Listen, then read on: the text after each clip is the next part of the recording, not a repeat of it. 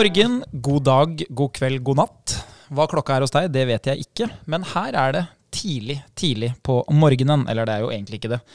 Hvis du øh, sjekker klokka di og sitter ved siden av meg, så er den faktisk 11. Så det er ikke tidlig på morgenen. Det var det en gang tidligere i livet for meg. 11 kunne være ja, ikke tidlig, men øh, det var i hvert fall på morgenen. Nå er det jo plutselig blitt langt utpå dagen. Hvordan er formen, Sindre? Er det langt på dag for deg? Ja, det begynner å komme seg nå, egentlig. Jeg har ikke like god rutine som jeg hadde nå for en måned tilbake. Så jeg står opp litt seinere, kjenner at jeg blir litt kaldere ute. Så det er litt vanskelig å gå ut av senga.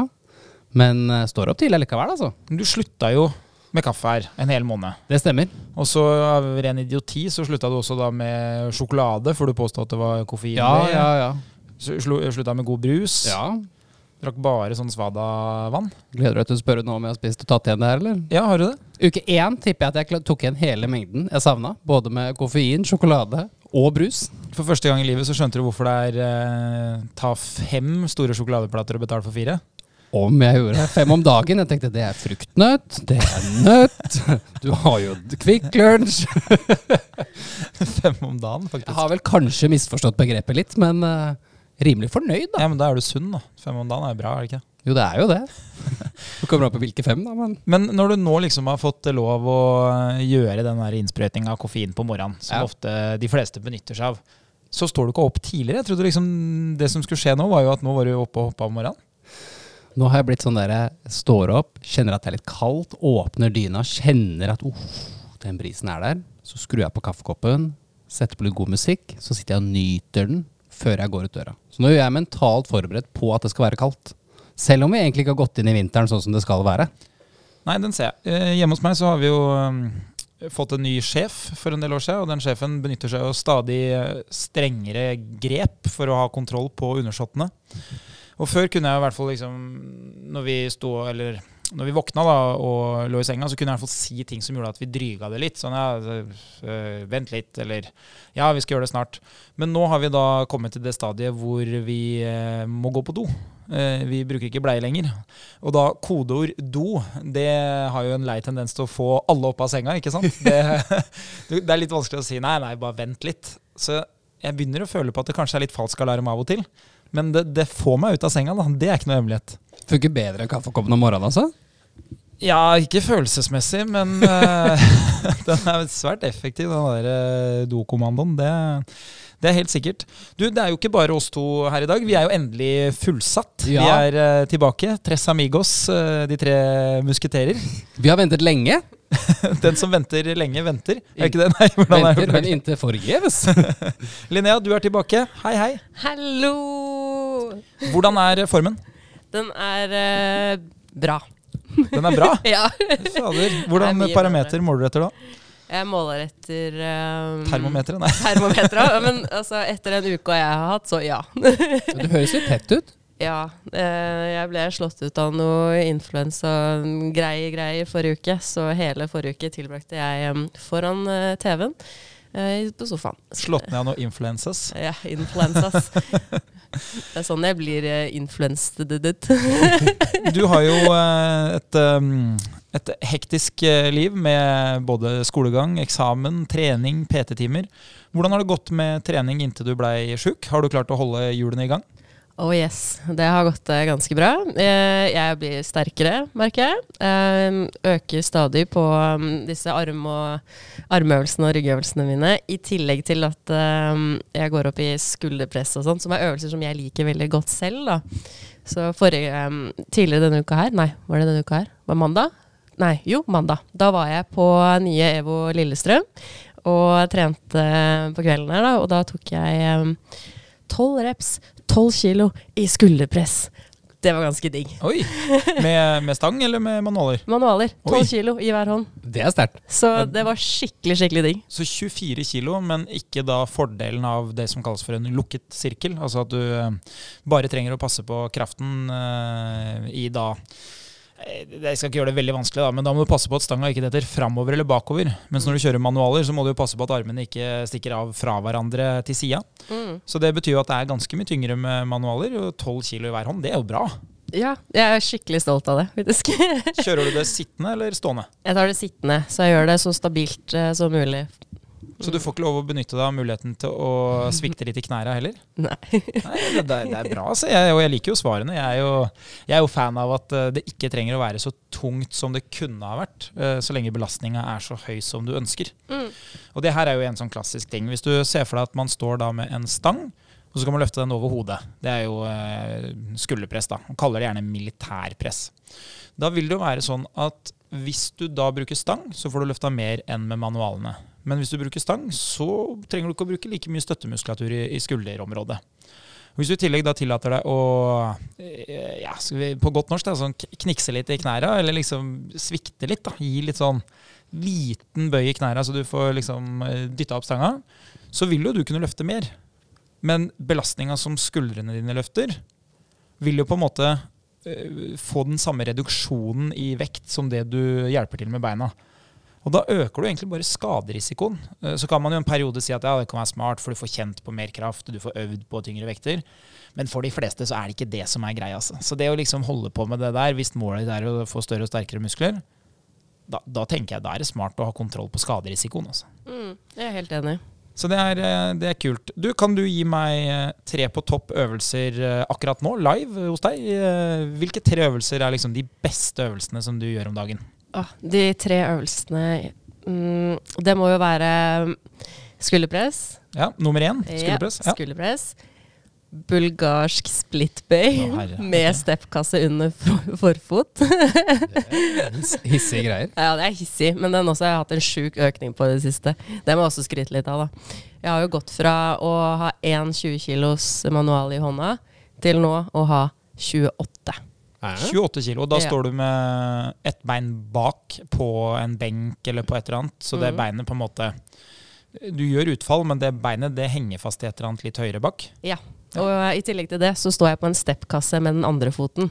Ja, bare for å sørge for at det blir skikkelig langt i gulvet. Ja, helt riktig. Aha. Så jeg gjør det Det var liksom ikke vondt nok fra før. Nei, jeg, jeg, skjønte, jeg kjente at de manualene de traff bakken før jeg kom langt nok ned. da. Så når manualene har blitt større, så at jeg måtte øke avstanden også, da. For det er jo et uh, treningsprinsipp til. Igjen tilbake til det vi snakka om i stad. Fordelen med å da elevere det fremre beinet, da, som du gjør, er jo at du kan øke utslaget i leddene du bruker. Altså du får lengre arbeidsvei, som er mye tyngre for muskulaturen. Og som veldig ofte viser seg da å gi tilsvarende eller bedre effekt enn å ha kort arbeidsvei med høy belastning. Og i de fleste øvelser og de fleste idretter så er jo det å ha kontroll og kunne skape kraft i veldig mange ulike posisjoner i leddet fornuftig. Så det er veldig dumt å liksom bare trene eh, akkurat der musklene er sterkest, hvis du driver med f.eks. en eller annen ballidrett da, hvor du plutselig får kjempestore utslag i kneleddet, hofteleddet, og så skal du skape kraft der. Så det, det er ikke dumt, altså. Hvilken øvelse har du som nummer eh, tre? Bred nedtrekk. Det blir Aha. nummer tre. Ingen av disse øvelsene tror jeg er på topp ti-lista mi engang. Seriøst? det var det jeg tenkte òg. Nei, Nedtrekk kan jeg være med på. Bulgarsk utfall den er på topp eh, Eller topp tre hvis du snur det. Nei da, det, er- det er jo Jeg kjenner meg igjen i de øvelsene her fra styrkeglansdagene. Men hos meg så er det jo det er benk som nummer én, uansett hvordan humøret er. Og nummer to skråbenk. Og nummer tre flies. Det er en viss mulighet for at eh, to av de tre skal inn på lista. Det er sant. Nei, men det er gøy, da. Endrer de øvelsene seg for deg, eller er det der sånn statisk som har vært på topplista lenge? Nei, de endrer seg ganske ofte. Den bulgarsken eh, byttes ofte litt med rumenske og steppe på. Ja. Andre varianter. Så da ser vi to ting som er liksom et viktig poeng. Det er at din motivasjon kan aldri være min motivasjon, og motsatt. Så hvis jeg skal trene med deg, eller jeg skal være din trener, så kan jeg ikke ta utgangspunkt i hva jeg liker. Jeg må bli kjent med deg, jeg må stille deg spørsmål, jeg må legge til rette for det som er viktig for deg. Samtidig så kan din motivasjon endre seg. Mm. Og det er viktig å ta med seg hvis du er PT og skal trene andre, eller hvis du har en samboer eller en venn eller en kjæreste som du tenker at nå skal vi trene litt sammen. Fallgruve nummer én er at det jeg liker å gjøre, det kommer du til å like òg. Det er stor sannsynlighet for at det faktisk ikke er sant. Hilsen han som løper intervallet langs eh, motorveien på Østre Aker eh, på vinterstid. det er ingen andre der. Eller jeg har et søskenbarn. Han har gjort det samme. Han er gæren. Han òg. Så nei, det er viktig å, viktig å ta med seg, altså. Eh, hva tenker du om dette prosjektet som jeg dytta deg inn i her en gang? Hva er status på det? Dette mm, ta kroppsheving, eller chins, da. Det, altså det går jo framover. Jeg blir jo sterkere, som jeg sa i stad. Eh, og så um, Nå har jo jeg endelig, etter et halvt år, fått fullt grønt lys fra Ullevål sykehus øyeavdeling på eh, å løpe og alt det der. Så nå skal jeg få litt mer fart på forbrenninga med å løpe litt intervaller og sånt igjen. Eh, så da vil jo det bli bedre, for da kan jeg gå ned i vekt, samtidig som at jeg beholder muskler og blir sterkere. Da blir det lettere for meg å klare de chinsa, da. Ikke sant? Mm. Nei, det er bra. Det er fullt grønt lys. Det høres ut som det kommer til å spore av kjapt, det. Det er jo typisk tegn på at det skal gå galt. Det er jo sånn som hos meg òg. Endelig ikke vondt i ryggen, liksom. Da tok det tre uker, så hadde jeg vondt i ryggen. Skulle ta inn det tapte og rekke alt det andre, så Ja, nei, det må være litt smart på progresjonen der, og Ja. ta det gradvis. Mm, jeg gjør jo det, da. Jeg løper jo mine andre intervaller siden jeg fikk det grønne lyset i går. Og jeg holder det ganske kort for nå. Jeg løp eh, ett minutt på og 30 sekunder av. Ja. Ganger 10. Så det var bare sånn en liten sånn introduksjon til løpingen. Ja, det er jo en fantastisk økt. da. Du får jo ti minutter med ganske høy intensitet der. Mm. Og så har du korte nok pauser til å forsvare at intervallene er korte. Ja. For hadde du hatt ett, for eksempel, så begynner det å bli sånn at da må du ha så høy intensitet i ettminutteren for å få pulsen. Mm. Mens 30 sekunder, da på de siste fire-fem, så tipper jeg jo at pulsen er ganske høy. Ja. Hvordan varmer du opp til noe sånt? Uh, jeg pleier bare å gå med litt høy stigning til jeg blir litt varm i ca. 5-10 minutter. Det pleier å holde for meg nå. Good. Hva gjør du i pausene? Står du, eller eh, gjør du noe annet? Eh, I 30 sekunder pausene så står jeg bare. Da Ja. står jeg, og så sparker jeg litt på mølla så den ikke slår seg av. Mens jeg Ja, ikke sant? Nei, for, for det er jo sånn evigvarende dilemma. ikke sant? For man kunne jo tenkt sånn at ja, det er jo bra i pausene å ha bevegelse, for det opprettholder jo ventilasjonen, som gjør at du får jo da pusta ut mer melkesyre enn om du står stille og ventilasjonen faller. Mm. For det vil den gjøre når du ikke gjør noe. Men problemet her er jo teknologien. at eh, Hvis du begynner på prosessen skru ned mølla, så rekker du ikke å skru den opp igjen før du skal på båndet. Og så Hvis du da også har smarte møller som skrur seg av, eh, hvis ingen er på de, så kan du heller ikke gå rundt i rommet sånn som man holdt på før i tida. Så det er jo et dilemma. Da må man gjøre som du sier da, da må man akseptere at man må stå, fordi man er nødt til å stå i nærheten av mølla og sørge for at den ikke går av. da. Mm. Så det er en sånn differanse mellom eh, det vinterløping og sommerløping da, hvis man skal løpe mølle, at man må ta hensyn til sånne ting. Løper du ute, så kunne du bare vandra rundt der du skal starte å løpe igjen, eller eh, på friidrettsbanen bare gått til neste 100 meter eller noe sånt. Nei, men Det er jo spennende å høre litt. Eh, Sindre, hva er det du eh, egentlig driver med, bortsett fra å innta koffein? Jeg var jo på en ganske god, et sånn godt treningskjør, sånn som dere snakka om her. Grønt lys, det er moro. Da kjører vi jo på og tar igjen alt det tapte. Jeg gjorde jo det samme som deg og Andreas. Eh, det bydde på tretthetsbrudd. Så det var jo du som spekulerte i det når jeg kom her og sa du, jeg har egentlig jævla vondt i foten. Dette og dette har skjedd. Så fikk jeg ikke noe godt på Vi testa litt, tok noe røntgen, fant ikke noe. Så sier Andreas det er sikkert tretthetsbrudd. Så sier jeg nei, for faen, det skjer jo ikke med meg. Så nå har jeg gått til sånn tradisjonell styrketrening hvor jeg nesten ikke trener noe bein. Kjører liksom litt push, litt trekk, og så litt armer, og så litt mage. Det er mye vimsing. Og jeg blir sterk, da. udefinert smerte som gjør veldig vondt, og som kommer av høy belastning og plutselig introduksjon av annen type belastning, det, det pleier som regel å være noe alvorlig. Det er ikke, ikke Når du begynner å tenke sånn Kan det være at nervene mine bare plutselig har begynt å si fra at det gjør vondt uten at det er sant? Nei, det er sjeldent. Det var det jeg tenkte. Og så er det sånn, jeg har veldig lyst til at det skal være det tilfellet her og nå. Så jeg velger å tro og håpe. Men realiteten er vel realiteten. Hva, hva er det du kan forvente? Hvor lang tid tar det før det blir bra? liksom? Sånn som jeg har skjønt, så kan vel det ta en 6-12 uker. Det er ikke noe krise. Det er, ikke noe, det er bare sånn at du får ikke løpt så mye som man pleier. Man får ikke spilt så mye basket. Men da må man jo bare tilpasse treninga og prøve å finne på noe annet morsomt. Ja, For det er jo basketen som er litt stress her, for den belastninga vil jo være ekstrem. da. Ja, Det er jo hopp, sprett og alt du egentlig ikke får lov til å gjøre. Men da blir det jo god tid til å bli, prøve å bli god i benken, da. Ja, det blir det jo. Og så kan du jo sikkert gjøre det som er 50% av baskets uh, ferdighet. Da. Det Ja. er jo å skyte i kurva. Ja, Og lære seg å sprette den ballen. Det er ikke sånn at jeg er så voldsomt god i noen av de, så det er jo bare å øve uansett. Ja, ikke sant? For det er jo fordelen. At du kan jo selvfølgelig stå og skyte trepoengere eller uh, straffer eller uh, Og det er jo, to poengere. det er jo helt sant, og det er jo det vi ofte undervurderer litt når vi slår oss og skader oss. Så tenker man åh, nå kan ikke jeg trene lenger. Jo, men du kan ikke trene som du pleier. Hvis du har ødelagt beinet, så har du fortsatt to armer og en overkropp du kan bruke. Du kan stå med romaskinen, du kan mest sannsynlig stå på skimaskinen, eller ergometeren som vi har på veldig mange treningssentre. Så det er å tilrettelegge litt. Men så kan det være litt sånn utfordrende med motivasjonen, da. sånn som du som er et vanedyr og liker å sette deg veldig spesifikke mål. Det er jævlig kjipt å skade seg på veien og vite at nå kan jeg ikke begynne på det fortsette på det målet. Nei, det er jo et veldig godt poeng. da. Fordelen min er jo at jeg har jo null problem med å akseptere ting som har skjedd. Ikke sant? Jeg dveler ikke så veldig mye med det som har skjedd. Så idet jeg brakk beinet når jeg spilte fotball, f.eks., så tenkte jeg yes, da blir det bare benk. Ikke sant? For jeg får, jeg får jo ikke spilt fotball, og jeg får jo ikke ugjort et brekt bein. Det er bare, det er bare å ta med seg med en gang. Men det er jo liksom. helt riktig tankegang også. Og hvis du har den tankegangen i treninga di, så blir det veldig mye morsommere å skulle fortsette.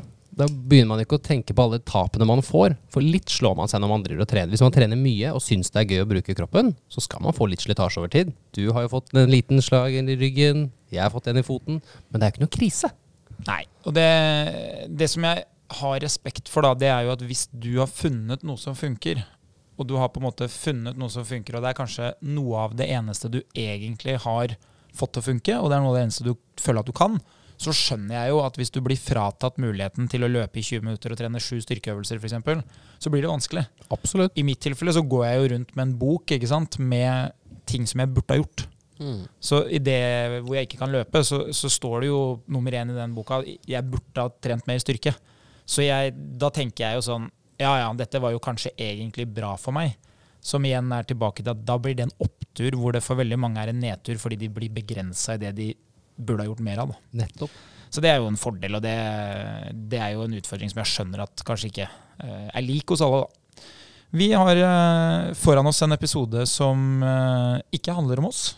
Absolutt ikke. Det handler om uh, lytterne, fordi vi har fått inn mange spørsmål. Og nå har jeg jo lovt da at hvis du sender inn spørsmål, så skal du få svar. Og det skal man få i dag.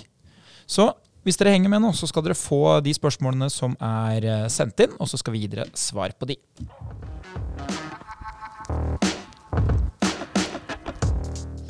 Vi har en eh, Ja, skal vi se. her. Jeg tror vi er sånn oppe i ca. ni eh, spørsmål. Eh, Vi har jo selvfølgelig surra litt med ett-tall og to-tall og tre-tall litt fram og tilbake her for å prøve å få ting til å havne i en OK rekkefølge for deg som lytter på. Så vi får se hvor mange det blir til slutt.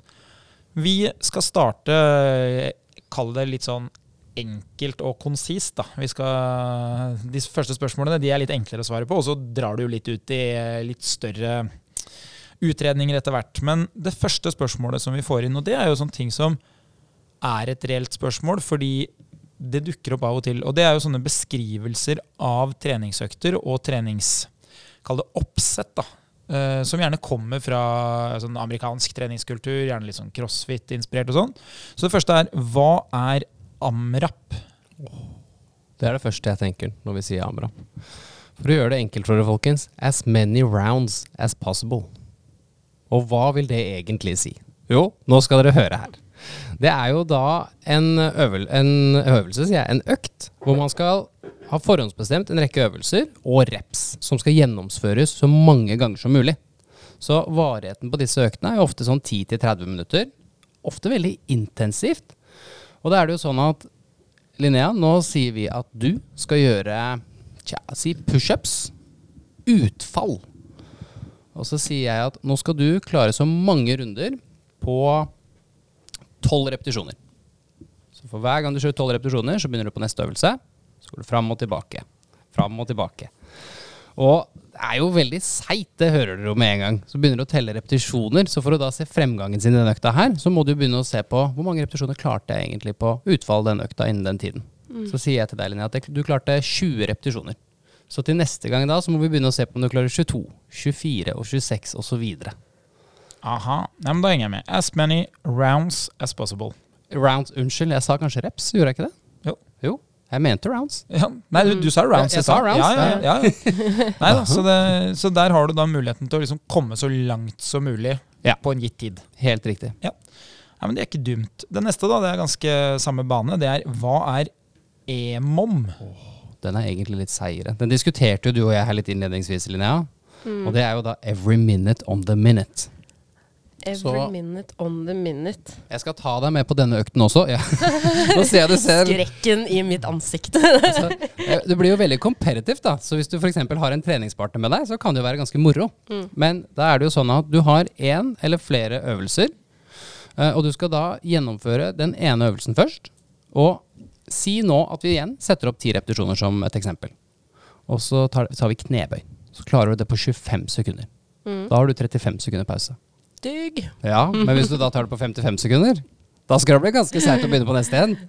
Så du har jo da samme opplegg, 10-30 minutter, med en ny runde som starter hvert minutt. Og måten vi da kan gjøre det på, si nå at du og jeg bestemmer oss for å trene i 20 minutter. Så sier vi at vi har én, vi bytter øvelse for hvert femte minutt. Så vi kjører knebøy de første fem minuttene, så kjører vi pushups de neste fem minuttene. Så kan vi ta utfall, siden vi er så glad i den og har den allerede inne. Så kan du få velge siste, da. Mm, kan kjøre situps, da. Skal vi kjøre situps? Ja. Og da kjører vi situps. Og det man da kan gjøre for å følge litt progresjon og se litt på uh, forbedringen sin, er jo da å telle hvor mange runder man klarte hver gang. Ja. Så si nå at første gang vi gjorde det her, så klarte vi fire runder på knebøy. Vi klarte to runder på pushups. Vi klarte tre runder på situps. Og så var den siste øvelsen var utfall. Så vil du plutselig se at uh, Nei, ikke Unnskyld. Nå blander jeg. Går, driver går Ambra på M om fram og tilbake her. jeg. Det er vanskelig for meg å holde tunga rett i bunnen også. Jeg mente at da kan du begynne å se på repetisjonene. ja, På sant. Ja, ikke sant? Fordi Ja. du rekker flere repetisjoner i det Helt riktig. minuttet du holder på. Helt riktig. Takk. Eller motsatt. At du kan klare det på kortere tid. Ja. Ja, det blir jo egentlig kortere tid. Ja, ikke sant? For du, du, du har satt repetisjonsantallet, Ja. så du kan få lengre pauser. Det er jo jeg Ja. som surrer her, folkens. Det er vanskelig for meg også. Så da blir det sånn at jeg er mindre um, kanskje dau, da, holdt jeg på å si. Ja, Etter de fem minuttene per, liksom per økt da, framover. helt helt riktig. Ja. Helt For da rekker jeg, da får jeg litt mer pause, og så kan jeg øke i antall repetisjoner etter hvert. Eller belastning. Eller belastning. Ja, sånn at jeg fortsatt blir like sliten, Ja. men ja. Så si at du nå Det der. Nå henger jeg med, jeg òg. Si at du nå tar knebøy uten vekt første gangen. Mm. Så setter vi nå knebøy med stang på ryggen neste gang. ja. Så sier vi at den stanga veier 20 kg. Så klarer du, ser du at jeg klarer det på like rask tid. Jeg bruker jeg trenger like lange pauser for å hente meg inn igjen. Da ser du at progresjonen har kommet gjennom det. Ikke sant. Ja, men da skjønner jeg. Nå er jeg med. Takk, folkens. Nå er jeg med også. Det som er veldig tydelig da når man gjør eh, økter sånn som det her, det er jo at det her er jo økter som er veldig veldig fine for de som gjentar treninga si veldig ofte. Så Ja. i et sånt satt miljø som f.eks. crossfit, da, hvor du trener mange av de samme øvelsene, du trener de med høy intensitet, så er det veldig enkelt å ha kontroll på ok, når du gjør en sånn type eh, EMOM-økt, hvor du hvert minutt skal klare å gjennomføre ti repetisjoner av en øvelse, f.eks så vet du ganske godt hva som er sånn OK, i forrige uke så klarte jeg med ja, knebøy med 20 kg, OK, men eh, jeg klarer 22 nå. Det kommer til å gå bra. Og det er jo akkurat den eh, kontrollen de fleste ikke har. Så det her er jo økter som i hvert fall jeg ville tenkt sånn eh, De kan være motiverende, de kan være inspirerende, det kan være noe jeg har lyst til å teste. Men jeg tror jeg ville testa med ganske lav intensitet i starten. Fordi min erfaring det er at underveis i økta, hvis du skal både ha kontroll på uh, gjennomføringa, du skal ha kontroll på tidsoppsettet selv, så blir det mye surr. Så det er en fordel å ha litt kapasitet akkurat mens man holder på, så man vet liksom ok, nå var det denne øvelsen, så var det denne øvelsen. Og så er det smart å holde seg til én øvelse eh, i starten. ikke sant? Si at man, som du sa, da, Sindre, at du velger f.eks. i de første fem minuttene, altså da fem runder som det egentlig blir, så holder jeg meg til én øvelse. For man kunne jo lagd det sirkuset her. ikke sant? Ja, man kunne ja, ja. hatt eh, fem forskjellige øvelser, og så eh, i minutt seks så går du tilbake til øvelse som du hadde i minutt én. Det er vanskelig hvis du ikke har litt erfaring. altså. Ja. Og Du ser jo ofte det på sånne crossfit-sentre og i disse boksene, at de har jo ofte et sånt whiteboard hvor øvelsene står store bokstaver. Så når du ligger der med høy puls og er så sliten og tenker 'faen, hva var det nå', så ser du bare opp på tavla og så bare 'å ja'. Det er fortsatt knebøy, ja. Og så kjører de klokke også, Ja. som er ganske smart. Men fordelen med en sånn økt, da, det er at det er en økt um, Og det er fordelen i crossfit generelt, da, det er at man kan gjøre det som heter å skalere. Altså at uh, hvis vi tre skal trene sammen, så kan alle vi tre forholde oss til ett minutt. Det er ikke noe problem. Eh, Noen får lengre pauser, noen får kortere pauser. Hvis vi treffer helt identisk på belastninga, si at den som er sterkest får tyngst vekter, riktig vekt i forhold til styrken, den som er svakest får riktig lette vekter, så vil vi også mest sannsynlig ha ca. lik pause òg. Og da kan vi trene sammen. Så fordelen med sånne type økter som det er jo at vi kan lett være flere som trener det samme. Mens derimot hvis vi liksom sier at eh, ok, en av øvelsene som vi gutta skal kjøre i dag, det er uh, hangups eller chins, eller og så har du med deg en som ikke har trent noe særlig, så får jo ikke den personen vært med på den øvelsen. ikke sant? Så da må du kjøre der borte et annet sted, for du må gjøre noe annet. Du må kjøre nedtrekk mens vi gjør det her. Så fordelen med sånn type trening er at du kan gjøre det sammen. Og så er det jo så høy intensitet at de fleste har ikke så mye motstand, så du kan ofte gjøre det uten mye utstyr. Mm. Ikke sant? De fleste av øvelsene du sa nå, de krevde ikke engang at vi trengte vekter. ikke sant? Nei, det er jo en sånn klassisk er du på ferie eller reise, da. Nydelig å dra i gang en sånn økt hvis du ikke har så mye utstyr. Helt perfekt. Kan jo trene ute også, på de utestativene, holdt jeg på å si. Ja. Ja. De er jo kjempebra. Bruker du sånn type trening som det er sjøl noen gang? Uh, ja, altså eller noe lignende, da. Jeg liker jo å jobbe med klokka og um, jeg jobber mer på tid framfor å telle repetisjoner. For jeg syns det er mye enklere for meg å forholde meg til. For da er det bare å kjøre til, du, liksom, til det plinger da, i klokka, ikke sant. Og så har du pause, og så plinger igjen, så er det bare rett på. Det syns jeg er mye enklere enn å telle én, to, tre Altså, plutselig så er jeg på sju tre ganger, ikke sant. Og så skjønner jeg ikke hvorfor jeg er daudsliten. Det er jo en veldig veldig vanlig treningsform. De aller fleste gruppetimer er jo bygd opp, da, bygd opp på det konseptet. ikke sant? At du har f.eks. nå så skal vi kjøre da 30 sekunder på, 30 sekunder av, eller Mm. 20 sekunder på, 10 sekunder av. altså Det er jo det som er oppsettsmodellene for mange gruppetimer. da. Og Da får du veldig høy intensitet, så da må du ha lav belastning. Men for de fleste så vil belastninga være mer enn høy nok for å skape styrke uansett. da. La oss gå videre til neste spørsmål her, da. Er kosttilskudd nødvendig for å oppnå gode resultater? Jeg kan du starte med deg da, Linnea. Du har jo fått bra effekt på styrketreninga som du driver med nå. Mm. Eh, Må du ta kosttilskudd for å få til det? Nei. Tar du, tar du kosttilskudd av noe slag? Eh, det eneste jeg tar, er D3-piller. så altså D-vitamin, det er det, det jeg mangler, og det er derfor jeg tar det. Eh, ellers så gjør jeg ikke det, nei. Og Hvis du hadde bodd eh, i Spania, så hadde du kanskje ikke Hadde ikke trengt det heller, nei. Nei, ikke sant? Så det er jo Mm. det sørgelige været som i stor grad sørger for at det tilskuddet må på plass. Det er akkurat det. Så finnes det jo andre tilskudd som er vanlig å ta i Norge. da. Det er jo f.eks. å ta tran i hvilke måneder, Sindre? Alle måneder uten Og alle måneder utenom de som slutter. Alle, alle måneder med, er Med. vel sannheten. Alle måneder med R. Sant? Og da, hvordan måned blir det? Du setter meg på September, september, oktober, oktober, november, november, desember, desember, januar. januar, februar, Mars. april Ikke sant? Så vintermånedene, altså de månedene hvor det er eh, behov for D-vitamin, da tar vi Så det er jo tilskuddet. Og det er derfor man pleier å spise omega-3. Det er jo ikke sant? Det er jo kanskje det kosttilskuddet hvor man har sett mest beviselig effekt sånn for vanlige folk i forhold til helse. Så finnes det jo mange andre ting man kan ta. Da, ikke sant? Så når man sender inn spørsmål om kosttilskudd, så kan det jo hende man tenker like mye på proteiner.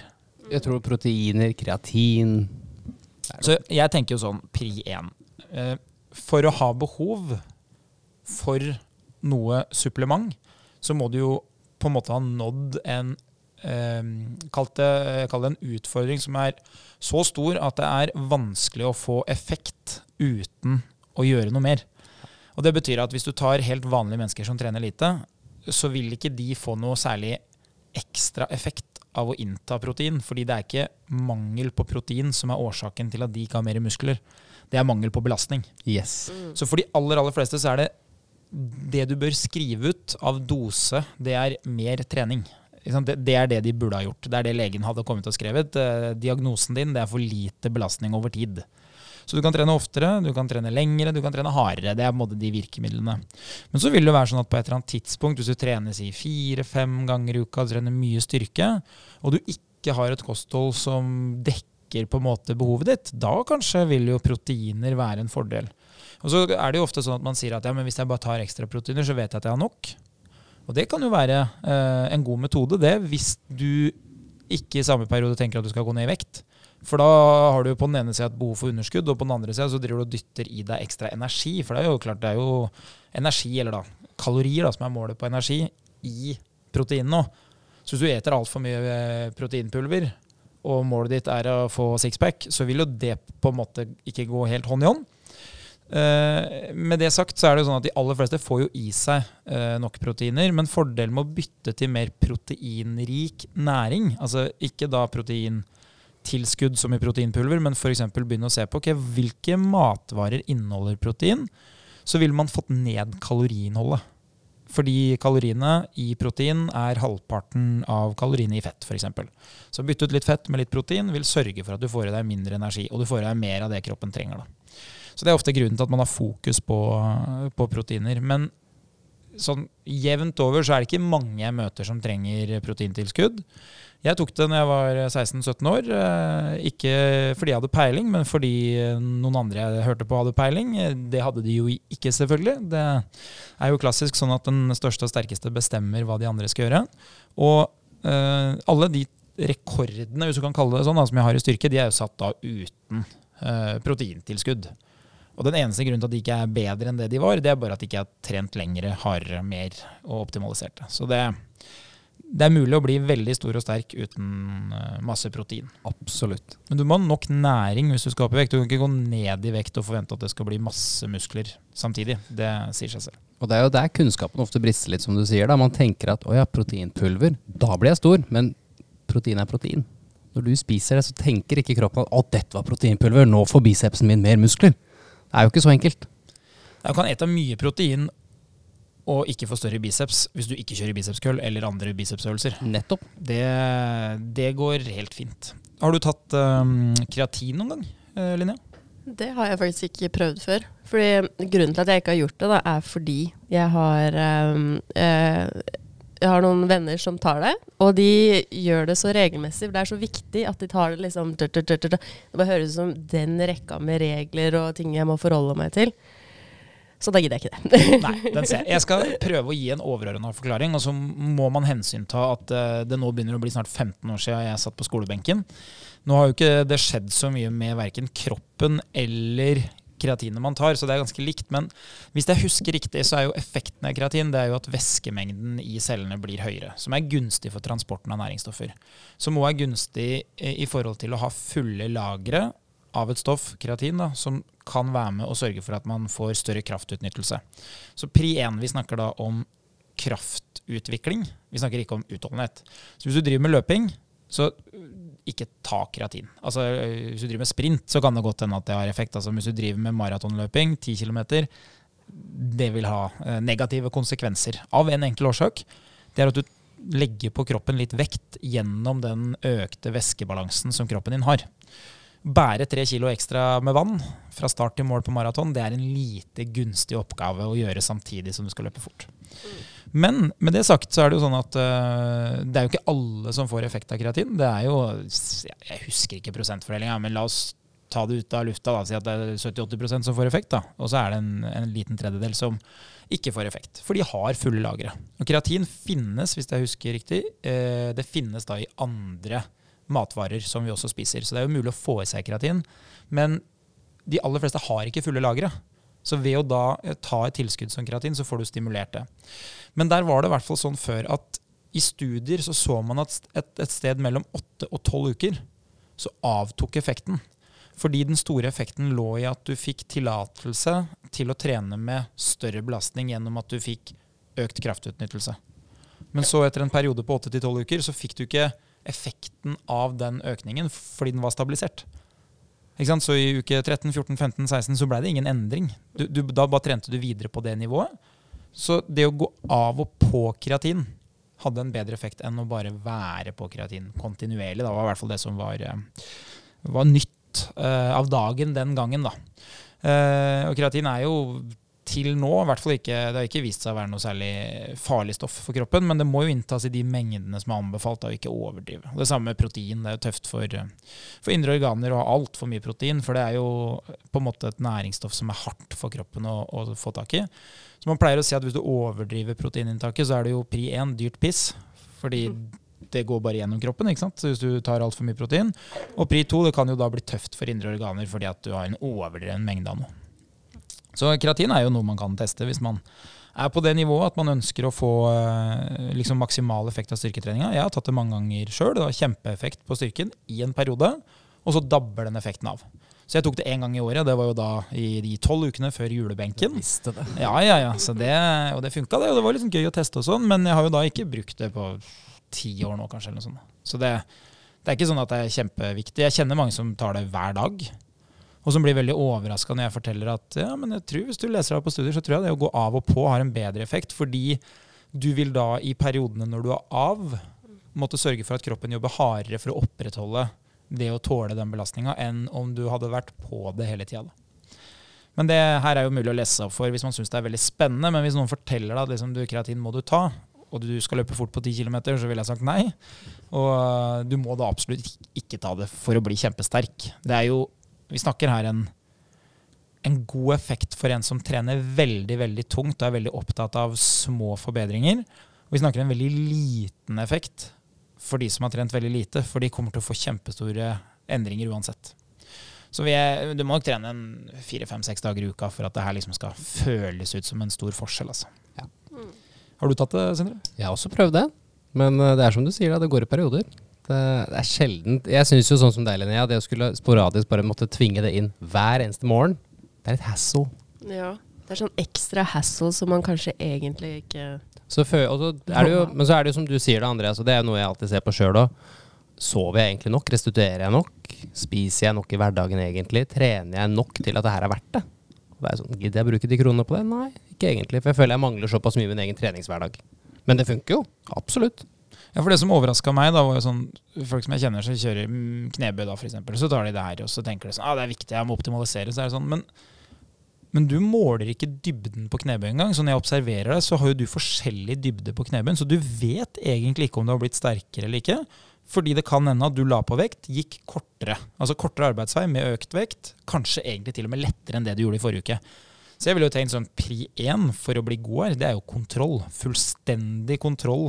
Yes. Det å være god på Ok, så når jeg kjørte knebøy eh, i glansdagene, da, så satte jeg jo da opp i stativet hvor jeg kjørte, en strikk som sto på tvers. Sånn at når jeg da kjente at jeg var innom strikken, som da ikke var sterk i det hele tatt, men den var eh, til stede nok til at jeg kjente at ok, nå har jeg brytt den vannrette linja, da vet jeg at repetisjonen er lik det den var forrige gang. Så de tingene er liksom, det er jo premisser som er mye viktigere enn f.eks. kreatin. da. Helt enig. Men de fleste tenker ikke at sånne ting er viktig. Men skal du bli bedre, så må du vite hva du har gjort. altså. Samme med benkpress liksom, eller skulderpress. De vektene må ned i skuldra og touche opp igjen. Da vet du at arbeidsveien er lik. Du kan ikke begynne å snu på halvveien. Og så jo, jo, men det er jo der jeg er sterkest, da kan jeg ha høyest belastning. Ja, Men du aner ikke om du har løfta vektene like langt. Og det samme med knebøy. Hvis kneet ikke er i bakken, da har du mye kortere arbeidsvei. Ja, du kan gå med mye høyere vekt i armene, men hvis du korter den arbeidsveien hver gang, øker vektene litt, så til slutt så vil du se at du blir ikke sterkere. Nei, for du har ikke noe arbeidsvei å korte ned på når du øker vektene neste gang. Og da, sorry, da er det ikke progresjon, da er det regresjon. Da blir du svakere, og da blir det mindre muskler. Så da er vi på vei i feil retning. Så blir det bare tyngre og tyngre, øker skaderisikoen. Det blir ikke noe morsommere heller. Og så er du 16 år, og så står du igjen med to store 20 kg-vekter på hver side, og så er det maksløft hver gang, fordi jeg klarer bare én, men jeg skal ikke ned fra disse store vektskivene. Hilsen Sindre 16. Kjenner flere han, si. Ok, la oss gå videre. Uh, vi er da på spørsmål uh, nummer fire. Det er et litt morsomt spørsmål, syns jeg. Uh, jeg vet jo at en del som jobber med trening, kan irriteres over det, men jeg syns jo sånt er gøy kan man få samme resultater på fire minutter tung styrke hver dag, i motsetning til to til tre ganger vanlige styrkeøkter per uke. Hva er det første faghodet ditt tenker, Sindre? Eller si Sindre 16, hva tenker han da? Nei, du må trene hele tida. Det her går ikke. Det er umulig. Du skal i hvert fall ha 1 time og 90 minutter på trening, da. Så det tenkte jeg gutt 16.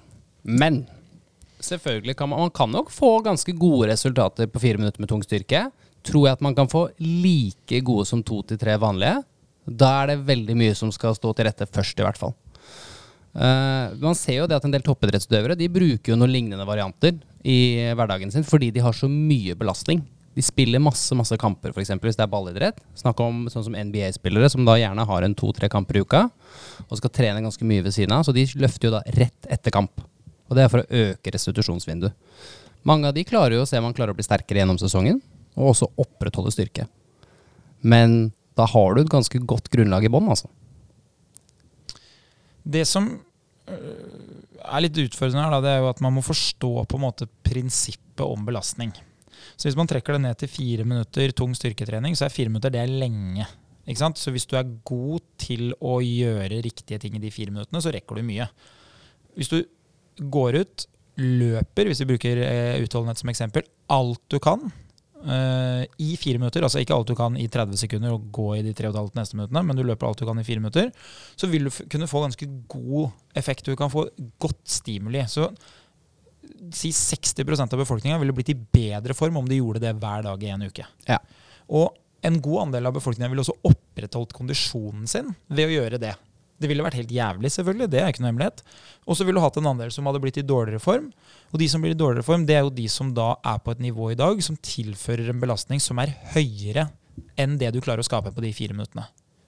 Så hvis du sier at øh, jeg får fire minutter til disp hver dag med deg, Linnea, når du skal i gang med utholdenhetstrening, så er jeg ganske sikker på at på parameteret prestasjon, parameteret oksygenopptak, så ville du blitt bedre om jeg hadde fått lov å gjøre det her. Enn kanskje du hadde klart å få til til og med hvis du hadde fått to ganger i uka hvor du hadde fått kjørt fulle økter. Fordi summen av én gang hver dag i syv dager er mer effektivt enn to ganger lenge. Så det ville ha fungert. Men hvis jeg til gjengjeld da hadde fått uh, Jakob Ingebrigtsen, og jeg hadde gitt han fire minutter hver dag, så ville det vært altfor lav belastning i forhold til hans kapasitet, selv om han kunne mest sannsynlig ha skapt enormt med kraft i de fire minuttene. Så han hadde jo da, ikke sant, fire minutter så rekker han faktisk å løpe over 1600 meter. Så det blir jo en, for mange en god økt, ikke sant? Han løper faktisk eh, mest sannsynlig på en god dag 1700 meter, verdensrekorden på eh, en engelsk bil, som er 1600 meter.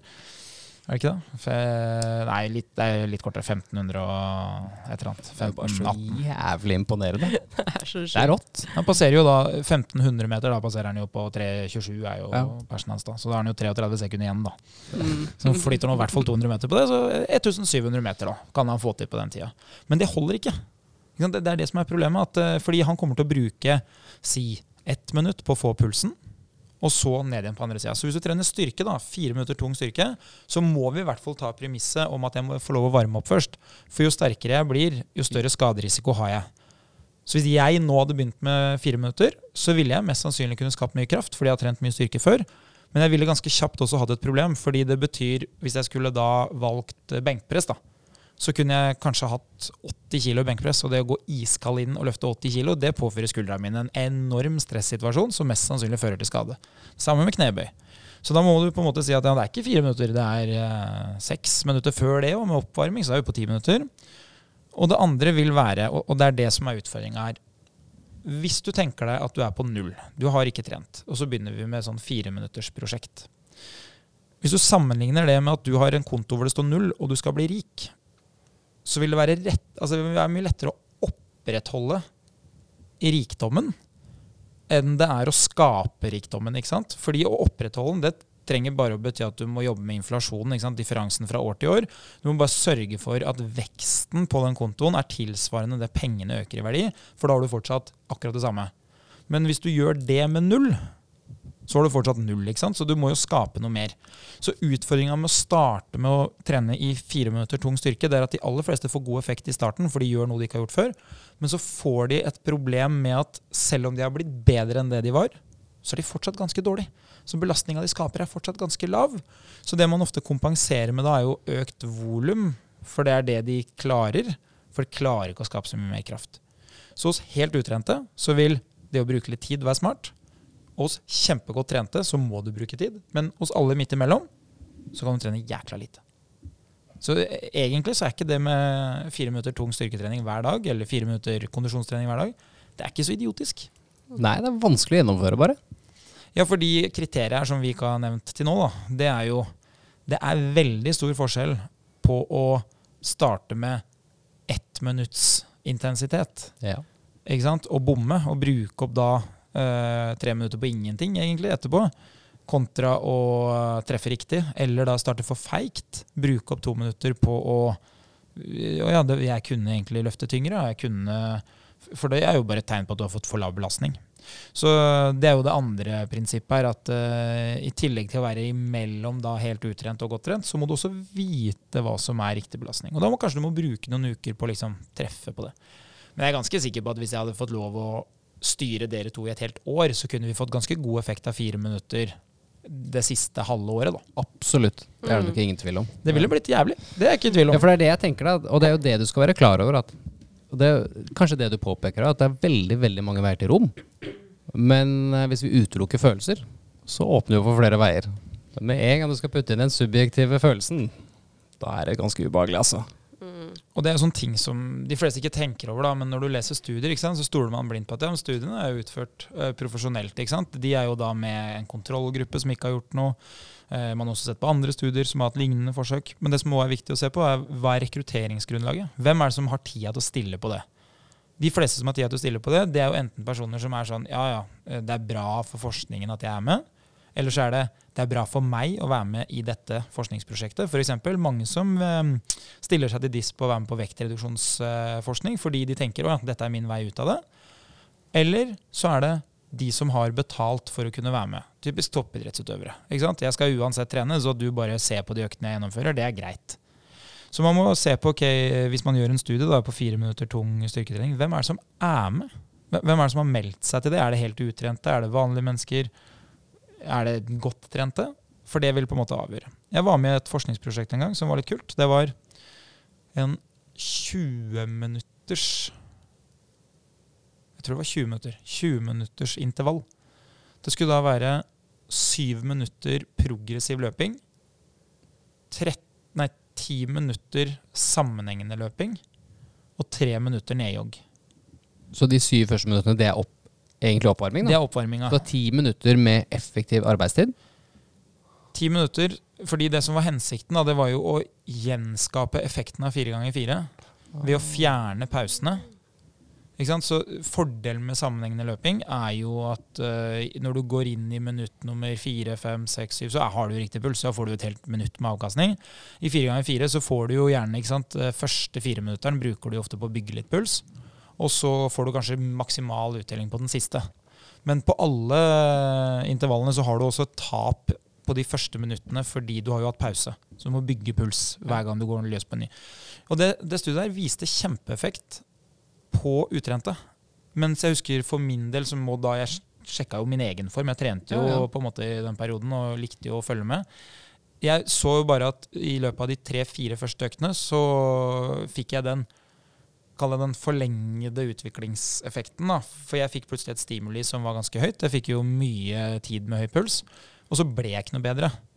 Og det var jo fordi at det ble ikke økning i volum, det var ikke noe variasjon. Så det som skjedde etter hvert, var at eh, etter noen økter så begynte jeg å dra av gårde på en fart som var for høy. Men det var fortsatt den farta som var riktig for at pulsen skulle være riktig. Fordi kroppen ble så vant til det. Så jeg måtte løpe fortere for å få pulsen høy. Men jeg hadde fortsatt ikke fått nok volum til å tåle å fullføre hele økta. Altså, jeg kunne jo da ha løpt roligere. Da ville jeg bare endt opp med mindre tid med høy puls, som igjen hadde gitt meg Så du havner ofte i en sånn, et vakuum da, hvor du klarer ikke å få til det du ønsker, fordi kroppen er for vant til oppgaven, men oppgaven er ikke stor nok til å skape fremdrift. Faen, så kult. Ja, det var gøy. da. Så det var- det var, det var helt jævlig. Hvor ofte gjorde dere det da? To dager i uka, tre dager i uka. Så det var jo Så høyde tre, 30 minutter med liksom arbeidstid på hjertet? da? Jeg tror det var tre, minu- eh, tre ganger i uka. Så det var egentlig ganske mye. Altså sånn, øh, ikke for en topp toppidrettsutøver med men- 1000 timer i året, men for en mosjonist så er liksom 30 minutter med skyhøy puls er mye per uke. Det, altså. Ja. Så det, men det problemet var at det blei jo ikke mer enn ble en mil i uka, kanskje. Eller sånn. Ikke sant? Jeg vet ikke, Tre kilometer på de 20 minuttene. Jeg sier litt mer, da, så at en kjempegod person klarer å få til 15 kilometer på en uke. da. Det er jo en tiendedel av det de vanligvis løper, sikkert. Nei, ikke sant. Mm. Så det er forskjellen. Og ikke kommer du mål til på maraton heller, da. Det må jo sies. Ti det er 10 km og blir langt. Så du bygger jo kapasitet eh, i forhold til oksygenopptak og sånn, men du tåler jo ikke oppgaven, som kanskje er målet. Vi går videre til eh, den eh, neste, vi. Skal vi se her. Da tar vi eh, spørsmål uh, nummer fem. Og vi har da Hvordan kan jeg unngå skader under trening? Det er vi jo litt inne på nå, egentlig. Eh, og det er jo det å først og fremst ikke være så brutal i starten. Nå har vi jo diskutert liksom dette med fire minutter tung styrketrening, hvor effektivt det kan være. Hvis du har litt erfaring. Hvis du er helt ny, så gjelder det kanskje ikke å starte på det du tåler, hvis du skulle klart å maksimert utbytte hver gang. Du må kanskje starte litt roligere, fordi musklene de tilpasser seg ganske fort. Men scenene derimot, de trenger litt tid for å komme i gang. Så er det jo det å varme opp. Litt sånn som Andreas sier, jeg skulle komme inn og skulle tatt benken uten å ha varma opp. skaper et høyt, høyt stress. Mm, det blir jo et sjokk for kroppen å bare boom, 80 kilo rett på. Um, det er jo veldig fint å gjøre noen ordentlige oppvarmingsøvelser eller ha en rutine på det. Det vil jo forebygge skade under treninga.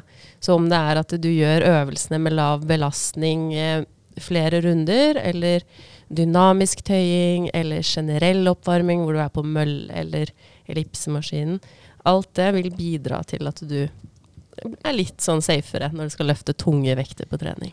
Man ser jo sånn hvis du bare isolert sett ser på skaderisiko, da, så ser man at spesifikk oppvarming det er, liksom, det, er det key. Mm. Så det betyr jo egentlig at man kunne drite i mølla. Altså Ja. Hvis man stygt sagt, da. Kunne jo, drite i det. Og så kunne du bare gjort øvelsen du skal gjøre, litt lettere. Så det, det vil funke. Og så vil du jo få en utfordring hvis du ikke har trent styrke før, så vil jo du da få høyere belastning i styrketreninga, for du begynner jo å gjenta bevegelsen og sånn, men, men det er kanskje ikke så dumt, for det er jo god teknikktrening for de fleste. Så det er jo det ene. Eh, Det andre vi ser, da, det er jo en sånn regle. Nå husker jeg ikke ordrett hvordan den er, men jeg lurer på om det er noe sånn for mye, for ofte, for tidlig. Too much too soon. eh, jeg husker ikke hva det siste er, men jeg, jeg ser for meg at det må være at det kommer eh, for mye for tidlig for ofte. Ja, ikke sant? Ja. Men, men du bare stokker de om, så jeg har bare satt for tidlig til slutt. Ja. Og Det betyr jo da at hvis du har vært skada, som i ditt tilfelle, Linnea, så vil du jo da gjerne gjøre litt for mye trening. Altså treninga varer kanskje for lenge. eh, Du har kanskje litt for tunge vekter i den økta. Og så burde du kanskje venta i tre dager, men du har lyst til å komme i gang. Du er jo hissig på grøten, så da gjør du det om to dager. Og så har du egentlig da satt opp det treningstempoet litt for tidlig i forhold til hvor du har kommet hen etter at du har vært av trening. Da. Og det er jo det som gjerne på en måte sørger for en skade. Det er jo ikke sånn at Man tenker ofte sånn at, at den øvelsen er farlig. Men kroppen er veldig tilpasningsdyktig. Eh, så det er sånn klassisk greie som jeg diskuterer med mange, da, blir så mye diskutering, fordi det er mer en sånn eh, Kall det en fordom og en, en gammeldags tanke. Det er jo at asfaltløping er farlig. Og asfaltløping har jo ikke noe større fare ved seg enn at hvis du løper for langt for ofte for tidlig, så vil du få trøbbel med beina. Så hvis de hadde sagt til deg, Sindre, at uh, du skal bare få lov å løpe på asfalt du nå et halvt år framover i tid, og du hadde gått ut og begynt å løpe sånn Ja, jeg er i form, jeg klarer å løpe fem-seks kilometer i dag. Det gikk jo veldig bra. Følte jeg løp litt saktere enn det jeg kunne, så jeg kjenner meg Jeg prøver meg på intervall i morgen. Så ville du ganske med stor sannsynlighet fått uh, enten beinhinnebetennelse eller vondt under foten, type plantarfasitt, eller du har fått litt vondt i ryggen, eller Og det er jo bare kroppen sin måte å si ifra at du, den belastninga er skyhøy, det her klarer jeg ikke å rydde opp i. Men hvis jeg har sagt til deg at du i ti uker nå, så skal du løpe 500 meter, og så tre dager etterpå så skal du løpe 1 kilometer, tre dager etterpå så skal du løpe 1500 meter, så er jeg ganske sikker på at du tåler å løpe ti mil på asfalt innen tre-fire år. Hver uke, uten trøbbel. ja, det skal du ikke se bort fra. Og så er det, ikke, det er ikke given at du tåler det, for det er ikke alle som tåler det. Men, men sånn statistisk så ville veldig mange ha tålt det. Men problemet er jo da at det som skjer, det er enten at du starter for hardt til å begynne med, eller at i løpet av de årene som skal gå før du skal tåle det, så blei du syk en gang. Og så skulle du begynne å løpe igjen. Og da får du samme problemstilling. Så da var det jo Jeg hadde kommet meg til seks mil i uka. Samme som jeg gjør. ikke sant? Når jeg endelig er frisk igjen og skal begynne å kjøre, så ble det bare å, ja, det ble fire mil på tre dager. Og jeg er egentlig kanskje på et stadium hvor jeg burde ha løpt to mil på en uke. Ja. Det, det, det blir skader av det. Mm. Og det samme gjelder i styrketrening. Da. Så for mye, for ofte, for tidlig, det er en sånn klassisk greie. Så start rolig, bruk heller litt lengre tid, og sørg for å gjøre oppvarminga. Veldig viktig. Ja. Og så ha respekt for nye øvelser. Ja, og vær tålmodig. Det å skulle se for seg, som du sier, det å skulle erobre verden over natta når det er lenge siden du har trent, og du husker kanskje hvordan ting var før i tiden, det er ikke så viktig. Du kommer til å bli mye bedre om du bare tar det sakte, men sikkert. Gjør som du sier, kanskje bruke fire uker på å øke progresjon, eller øke belastning. Og så derifra begynne å se på at ok, nå kan vi begynne å trene oftere. Nå kan vi øke frekvensen. Nå kan vi øke, øke alt annet. For det er sånn vanlig greie å tenke, at uh, du starter på hva er maksimal avkastning, hva er mest optimalt, så prøver du å legge deg så nærme det som mulig. Istedenfor å tenke ok, jeg har aldri gjort den øvelsen her før, eh, jeg vet jeg burde ha gjort det. Og så tenker du ok, hvor lite kan jeg gjøre, men fremdeles ha gjort det? Ja. Som mest sannsynlig ville gjort at du kunne gjort det evig framover. Da. Det hadde vært mye lurere. Så det, det er en smak, eh, en, en smak av hvordan man kan da komme seg unna skadene i større grad. Men du gjør vel det litt i styrketreninga di, gjør du ikke det? Du pleier vel å starte året ganske sånn på nytt med styrkedelen, så du kan fortsette å ha mye belastning på løpinga? Hadde det bare vært året. Det er jo bare at det skjer mange ganger per år. Men eh, jeg gjorde jo det igjen nå. Jeg var i Syden. Da trente jeg styrke tre dager. Og sånn for å eks eksemplifisere det tydelig, da. Da kjørte jeg knebøy. Ti repetisjoner uten vekt. Og jeg kunne jo helt sikkert ha kjørt 60 kilo tre ganger ti. Det, det er det som er den reelle styrken. Optimalt hadde kanskje vært å teste 65. Men da vet jeg jo at da vil det gå utover løpinga. Det vil mest sannsynlig gå utover kroppen, så det kan hende at jeg blir skada. Og så tre dager etterpå, da er jeg jo helt fin. Da kan jeg jo tillate meg å kjøre 15 repetisjoner. Samme gjorde jeg med pushups. Jeg starta med 3 ganger 10, og så tok jeg 3 ganger 20. Og økta før jeg drar hjem, så kan jeg da ta 3 ganger 30 i pushups, som er et tydelig tegn på at 3 ganger 10 var for lett. Du har jo da hatt en eh, utvikling her på 200% forbedring. Det er jo ganske ekstremt. Men når jeg da kommer hjem, så har jeg jo fått trent brystet tre ganger. Jeg er ikke skada. Jeg har full kontroll på belastninga. Jeg vet også hva jeg skal gjøre neste gang for å kunne bli enda litt bedre. Og da har jeg liksom fire økter med progresjon allerede. Og i knebøyen så kjørte jeg da 20 repetisjoner. Så da kan jeg jo fint gå tilbake på treningssenteret, legge 20 kg på eh, nakken, kjøre 10 repetisjoner. Og så kan jeg si at ok, hvis jeg fortsetter med det her, så vil jeg i januar-februar ha 60-70 kg og ha null skaderisiko nesten. Samtidig så påvirker det ikke løpinga, da. Det er det, det er det, jeg tror veldig mange brister. Man tenker jo at nei, det er en bortkasta treningsøkt. Jeg kjente det ikke så mye etter tre ganger ti på pushups. Da er det ikke verdt det. Og det er det du sier her, det blir verdt over tid. Det er da du får renten etterpå. Ja, ja nei, du må ha langsiktig bilde på det. Noe, og det er jo ingen som klarer å lage en økt i dag som får meg i form i dag. Så det er ikke noe vits å tenke det. igjen. selv om det er mange som gjør det. Ok, la oss eh, gå videre her. Skal vi se. Jeg skal prøve å bare renske opp litt. Vi hadde da nummer fire der, og vi har eh, nummer eh, fem her. Så da har vi kommet, så, kommet oss til nummer seks. Hva bør jeg spise før og etter trening? Hva spiser du før og etter treningsøktene, Linje? Um, hva spiser jeg? Det varierer jo veldig fra dag til dag og når jeg trener. Det er ofte sånn Hvis jeg trener tidlig på morgenen, sånn i syvdraget, så spiser jeg ikke så mye før trening. Um, eller hvis jeg skal løpe, så holder jeg også matinntaket ganske lavt før uh, trening. Men om jeg trener styrke, så er jeg veldig glad i å få i meg litt uh, carbs før jeg begynner å trene styrke. Så da blir det ofte en uh, banan eller noe sånt da, som er lett å få i seg og ikke ta for mye plass. da. Jeg pleier å si det at det å spise, det er smart. Det å få i seg væske, det er også smart. Mm. Det kan være litt sånn seigt på morgenen. Si at du skal trene før jobb, da. Så da ville jeg tenkt sånn, ok, jeg prøver meg på en halvliter vann, og så får jeg se an om det å spise frokost er noe jeg trenger eller ikke. Hvis du ikke trenger det fordi at intensiteten i økta ikke er så høy, si at du skal jogge kjemperolig i fire kilometer, da uh, istedenfor å løpe intervaller, da kanskje du klarer det med å bare drikke vann. Som vil være litt mer behagelig hvis du tåler å droppe frokosten. Da. Men skal du ha høy intensitet, så vil jeg jo ha spist uh, karbohydrater. Mm. Uh, men vann og næring er jo det viktigste. Men bortsett fra det, så jeg prøver liksom å unngå å spise noe nytt. En gang jeg skulle gå Birken, så spiste jeg havregryn for første gang på fire år på morgenen.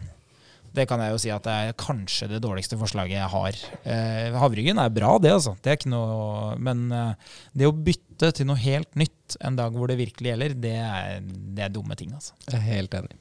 Har du noe spesielt du eh, må ha i deg, Sindre? Nei, jeg er litt sånn som dere. Eh, veldig lik på vanene der. Men hvis jeg har lyst til å prestere, så er jeg veldig opptatt av, opptatt av å få i meg karbohydrat før trening. Og så veldig opptatt av å få i meg noe proteinrikt etter trening. Og det er jo ofte da gjennom kanskje en, så Hvis du gjør det veldig tidlig, kanskje en bar eller en proteinshake. Ikke fordi det er et jævla digg, men fordi det er praktisk. Det er lett å dra med seg. Enn å skulle dra med seg liksom en halvveis middag, da. For jeg er så dårlig på å lage mat. Sjokomelk. Det er jo som bare rakkeren. Protein og karbohydrat. Verdens beste eh, restitusjonsdrikk. Så du tar, hvis du tar to dl med lettmelk og så blander opp litt Boy, mm. da har du fått deg ganske godt med protein nå. altså. Eller hvis du tar en halvliter med Litago, men da må ikke vektreduksjon være målet ditt. For da banker du vel 300 og et eller annet kalorier, tror jeg på det. Det er 330 gode, det. Jeg tror det. Det er effektivt, da. Det var jo lunsjen og det, da. Ja. ok, eh, nummer syv. Er det viktig med hviledager? Hvor mange bør jeg ha? Hva er det som avgjør uh, hviledagene, Sindre? Hvor ofte trener du? Hvordan ser hverdagen din ut? Det er jo ikke bare trening. Hvordan er belastningen i hverdagen? Hvor mye jobber du? Hvor mye trener du? Hvor mye sover du egentlig? Det er klart at Hvis du sover seks timer hver dag, og du egentlig skulle hatt deg åtte timer, så har du ganske mye minus, f.eks. Greit, skal prøve å optimalisere det. Hvor mye er det du trener, og hvor mye variasjon har du i treninga di? Hvis du f.eks. som Andreas er veldig glad i å løpe, da. Jeg tipper du løper vel en tre mil i uka. Ja, ja Kanskje mer? Seks, kanskje? Ah, Ja, ja, ja. Bomma man litt, eller? eller det? Ja, ja, men tre er ikke gærent, det. Altså. det nei, jeg tror det blir sånn seks mil eh, i, i snitt. Da. Det, Ja. så, så nå var det jo tre mil i forrige uke, så det var riktig, det. Hvor mange, hvor mange økter er det du bruker på det? Nei, Jeg, jeg prøver å trene hver dag. Ja, du gjør det. Eh, Men sant, min hviledag da, er jo ofte enten et resultat av sånn som eh, på lørdag, når vi fløy hjem fra Spania, at det ikke ble mulig. Det var jo et dårlig eksempel, for da trente jeg faktisk på morgenen. Men, men som regel sånne type dager. da. Ja. Men det jeg skulle fram til òg, var egentlig da at hviledagen fort kan være en sånn styrkeøkt som tar 15-20 minutter. Yes. Så egentlig så er det ikke en treningsdag, fordi den styrkeøkta den kan jeg gjøre nesten hvor som helst i det, eh, på det stadiet jeg er nå, da, Ja. vil jeg merke. Og det er jo det du sier der med stadiet. Det er nok veldig viktig når vi spør om hvor mange hviledager jeg trenger. Eh, er du helt ny på trening, du kan trene på et halvt år, kanskje det er greit å bare trene én gang i uka nå i starten. Så hvis du klarer det over fire uker og du kjenner at det her det gjør ikke noe vondt, jeg føler meg egentlig litt bedre, ja da kan vi øke til to. Men da har du jo fort fire restitusjonsøkter. Så alt avhenger av erfaring og belastningsstyring. Ja, for det er jo egentlig hvor hardt du har trent. Så grunnen til at man må hvile mye etter maraton, det er jo bare fordi det er overdreven belastning. Hadde du stilt opp og løpt 10 km på maratondagen, så hadde du kanskje ikke trengt hviledager i det hele tatt. Nei. Så det er fint mulig å trene hver dag, for alle. Absolutt. Hvis jeg sier til deg, Sindre, at uh, nå skal vi trene hver dag. Uh, du skal trene fire minutter lett trening hver dag.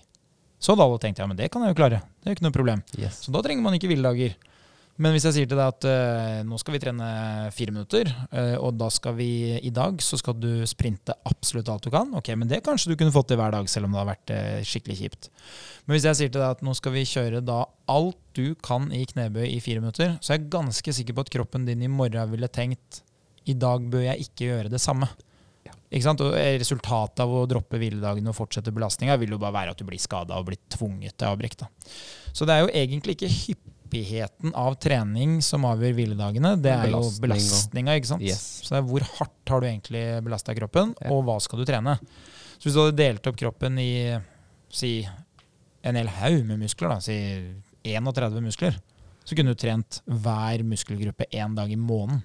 Ja. Da hadde du ikke trengt noen hviledager. Nei, på ingen måte. Ikke sant? Hvis du i dag kjørte bicepskull, og så kjører du leggen i morgen, så trenger ikke bicepsen en hviledag for at leggen skal bli kjørt om to dager. liksom. Og det ser du i litt sånn tradisjonelle treningsprogrammer som f.eks. push-pull-legg.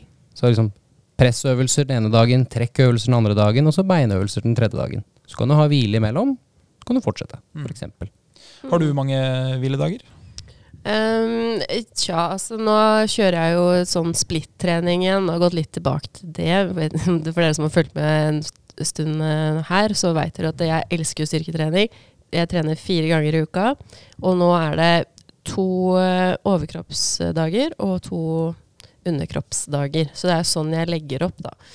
Eh, så da er det overkropp på mandag, underkropp på tirsdag, og så har jeg pause på onsdag, som ofte blir en sånn intervalldag eller langkjøring hvor jeg ikke gjør styrketrening. Og så har jeg overkropp hjem på torsdag og underkropp på fredag. Og da får jeg hvilt de ulike muskelgruppene da, mellom slaga. Ja, for da vet du jo at du hviler. Altså oppsettet ditt sier jo 'jeg hviler'. Mm. Jeg hadde jo i mange år eh, tre styrkeøkter og én intervall. Og, og da visste jeg jo hver gang jeg hadde intervall, at det var jo fire dager siden sist. Så, Ja. så det var jo endte jo at jeg var sliten og sånn. Det var hvis beinøkta var tung, men den var jo da to dager før. ikke sant? Så jeg kunne jo på en måte vite at jo lenger ute i systemet jeg var, jo mer tilpassa var jo jeg å tåle det. Så det går an å planlegge seg til liksom en sånn greie, men det er vanlig å by på litt høy belastning i en økt for å så ta hvile dagen etter. For det er jo mentalt ofte stimulerende å få lov å ha litt fri. Yes. Ja. Eh, jeg har spørsmål åtte her. Ja. Hvordan kan jeg måle fremgangen min? Som personlig trener, eh, Linnea, jeg kommer til deg. Vi begynner å trene sammen. Du har ansvaret for meg. Jeg vil jo anta at det er viktig for deg å ha kontroll på hva jeg driver med. Ja. Hvordan er det du liksom måler fremgangen til kundene, på en måte? Gjør du det? Har du peiling på fremgangen deres? Jeg har det. Full kontroll. Jeg eh, noterer jo alt eh, de gjør, og hvordan de gjør det. Um, eh, på de gangene hvor jeg føler meg litt ekstra spassy, og vi gjør det ekstra nøye, så spør jeg jo dem hvordan de har det. Det gjør jeg jo hver gang, da, for så vidt, men hvordan de føler seg spesifikt. da. Hvis det er en dag hvor de er litt dårligere eller bedre, ekstra god piff, liksom, så noterer jeg det i eh, arket mitt. Eh, Så har jeg jo selvfølgelig reps og kilo Og um, så kan jeg også måle i utslag av øvelsene, f.eks. Um, I beinpressen for eksempel, er det jo veldig fint, for da kan du jo se hvor dypt du kommer i bunnposisjonen hver gang. Og sammen med brystpressapparatet, hvor du kan justere på håndtakene osv. Så det du egentlig sier da, er at du kan jo loggføre utviklinga Mm. i tre ulike kategorier, da, hvis jeg forstår deg riktig. Du har jo denne som er subjektiv. altså Hvordan føler du deg? Mm. Føler du deg bedre selv om vi gjør ting som er tøffere? Ja, men det er jo et bra tegn. Og Det er jo liksom sånn subjektiv vurdering av opplevelse. Og så har du jo da eh, et sånn type utviklingstegn, da, at eh, du er i stand til å gjøre ting som du ikke gjorde før. Selv om vi egentlig ikke har peiling på hva vi driver med, så veit vi at vi har blitt bedre. Si eh, jeg ber deg om å ta chins. Det klarer du ikke. Så trener vi en hel masse andre øvelser uten å følge med på hva vi driver med. Og så bestemmer du deg en eller annen gang i februar for å Ja, men jeg prøver der. Oi, det gikk. Ok, Men da har vi en utvikling her som eh, gjør at fremgangen min beviselig er bedre.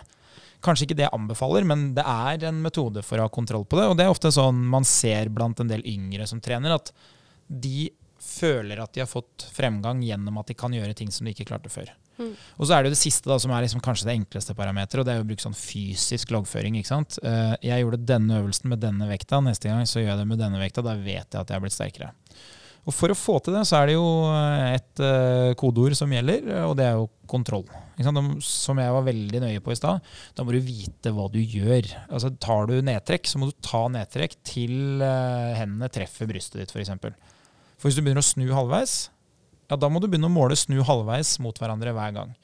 Så en av de øvelsene som var ekstremt, eller treningsformene som var ekstremt populære for en sånn ti års tid siden, som er veldig vanskelig å egentlig ha kontroll på, som er sånn A-kravet på kontroll, det er jo slyngetrening. Alle hørte jo det at det med slyngetrening, det er jo skikkelig bra, ikke sant? Og det er kjempebra det for en som er sterk, fordi det skaper jo enormt mye stress for korsryggen, for magen, for å holde posisjonene. Så det er kjempebra trening. Masse støttemuskulatur som må jobbe bare for å være i en rolig, stabil posisjon. Men når du begynner med de øvelsene, hvordan skal du vite at du egentlig er bedre? Hvis vi tar en enkel øvelse som roing i slynge, da. Hvor du istedenfor å bruke sånn eh, apparat hvor du trekker imot deg, så skal du da stå og holde i to ringer. Slippe kroppen bakover til armene er eh, strake, og så skal du trekke deg opp. Og så skal du gjerne ha en rett kropp i tillegg. Så i dag så var slyngene 1 meter og 25 cm over bakken. Neste gang, jeg målte jo ikke hvordan det var forrige gang, så er de kanskje ja, si 1 meter og 35 cm over bakken. Er det det samme? Nei. Eh, Hvis du kan litt fysikk, så vet du at okay, jo høyere de henger, jo lettere blir det jo. Eh, Med mindre du begynner å flytte beina dine på bakken, da. For hvis du går bakover, så blir det lettere. Går du fremover, blir det plutselig kjempetungt. Det viser jo bare at okay, du må ha kontroll. Og da begynner man å tenke sånn Hvis ikke det er veldig viktig for deg, hvis ikke du driver med en eller annen øvelse eller aktivitet eller idrett som krever den type belastning, kanskje vi skal kjøre sittende roing. Kanskje vi til og med skal i apparatet hvor brystet ditt sitter fast i ei plate foran deg, som gjør at du alltid vet at du, har den vinkelen i hofteleddet og i eh, skulderleddet. Så det var dagens uh, lærepenge om uh, hvordan man skal ha kontroll når man trener.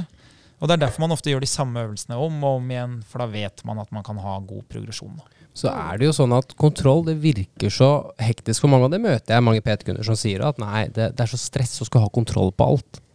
Helt til du får litt erfaring med det og ser den gleden du kan få av treninga. Sånn som du kommer inn her nå og sier, Linnea. Nå tar jeg tolv kilos manualer i skulderpress. Det eneste grunnen til at du veit det, og du er så fornøyd med det, er fordi du har kontroll. Mm. Du veit sjøl hva du tok før i tida. Og det er gøy! Det er kjempegøy. Det er så mestring i akkurat det der, altså. Er eh, veldig mye lettere hvis man vet akkurat hva man gjør, for da kan man begynne å planlegge. ikke sant? Eh, et sånt eksempel på hvordan det her kan slå negativt ut, var jo en gang jeg dro til eh, New York så skulle jeg trene, og da bytta jeg jo fra kilo til pounds. Og i hodet mitt, av en eller annen merkelig grunn, så ga det jo veldig mening at ikke sant? det er jo ca. halvparten. Og det stemmer, det. Det er ca. halvparten. Problemet mitt er at jeg har trent knebøy da i et halvt år, så jeg er jo ikke lenger på cirka-vekter. Jeg er på ganske pinlig nøyaktig pluss-minus et par kilo. Altså, på en ekstrem dag så kanskje jeg kan by på to kilo mer enn det jeg hadde planlagt. eh, hvis jeg har litt flaks. Og på en dårlig dag så kanskje det faktisk er to kilo for tungt. Så når jeg da la på det som jeg anslo å være ca. 100 kilo i uh, Smith-maskina, sånn eh, stativ hvor stanga sitter fast, så eh, skulle jeg jo ta repetisjoner, så jeg slipper jo heldigvis liksom sånn kjempedårlig opplevelse. Men jeg skulle vel ta ti, tenker jeg, og det blei jo da firere. Men ikke sant, når jeg går tilbake på rommet og begynner å regne med kalkulatoren, da, så har jeg jo ikke kjørt 100. Jeg hadde vel da kjørt en nærmere 107 kilo, eller hva det blir. da. Jeg Jo, husker men ikke. ikke. Mm. Men ikke sant, de syv kiloene, det er jo mye mer enn den progresjonen jeg klarer å levere. Og i tillegg hadde jeg flytta meg fra Norge til USA. Jeg hadde jo, mest sannsynlig så hadde jeg jo en dårligere prestasjon enn om jeg hadde trent hjemme med samme netter og sånn. Ja. Så det viser bare at liksom når du mister kontrollen, så får det kjempestore utslag på prestasjonen. Yes. Mm. Det var åtte spørsmål det, innsendt av eh, våre lyttere, altså deg som hører på. Så jeg håper jo at man setter pris på at man får svar. Jeg håper at de som da har lyttet til episoden hvor andre har sendt inn spørsmål, også kanskje har fått med seg noen eh, verdifulle ting videre. Så vi oppfordrer alle til å fortsette å sende inn eh, spørsmål, og vi prøver å besvare de så raskt som mulig. Jeg vil takke deg for at du har hørt på denne episoden. her. Nå avslutter vi med ambulansen her, så nå kjører vi full utrykning utenfor. Jeg tror kanskje det er et godt signal. Inntil neste gang vi høres, eh, ha en fin eh, treningshverdag.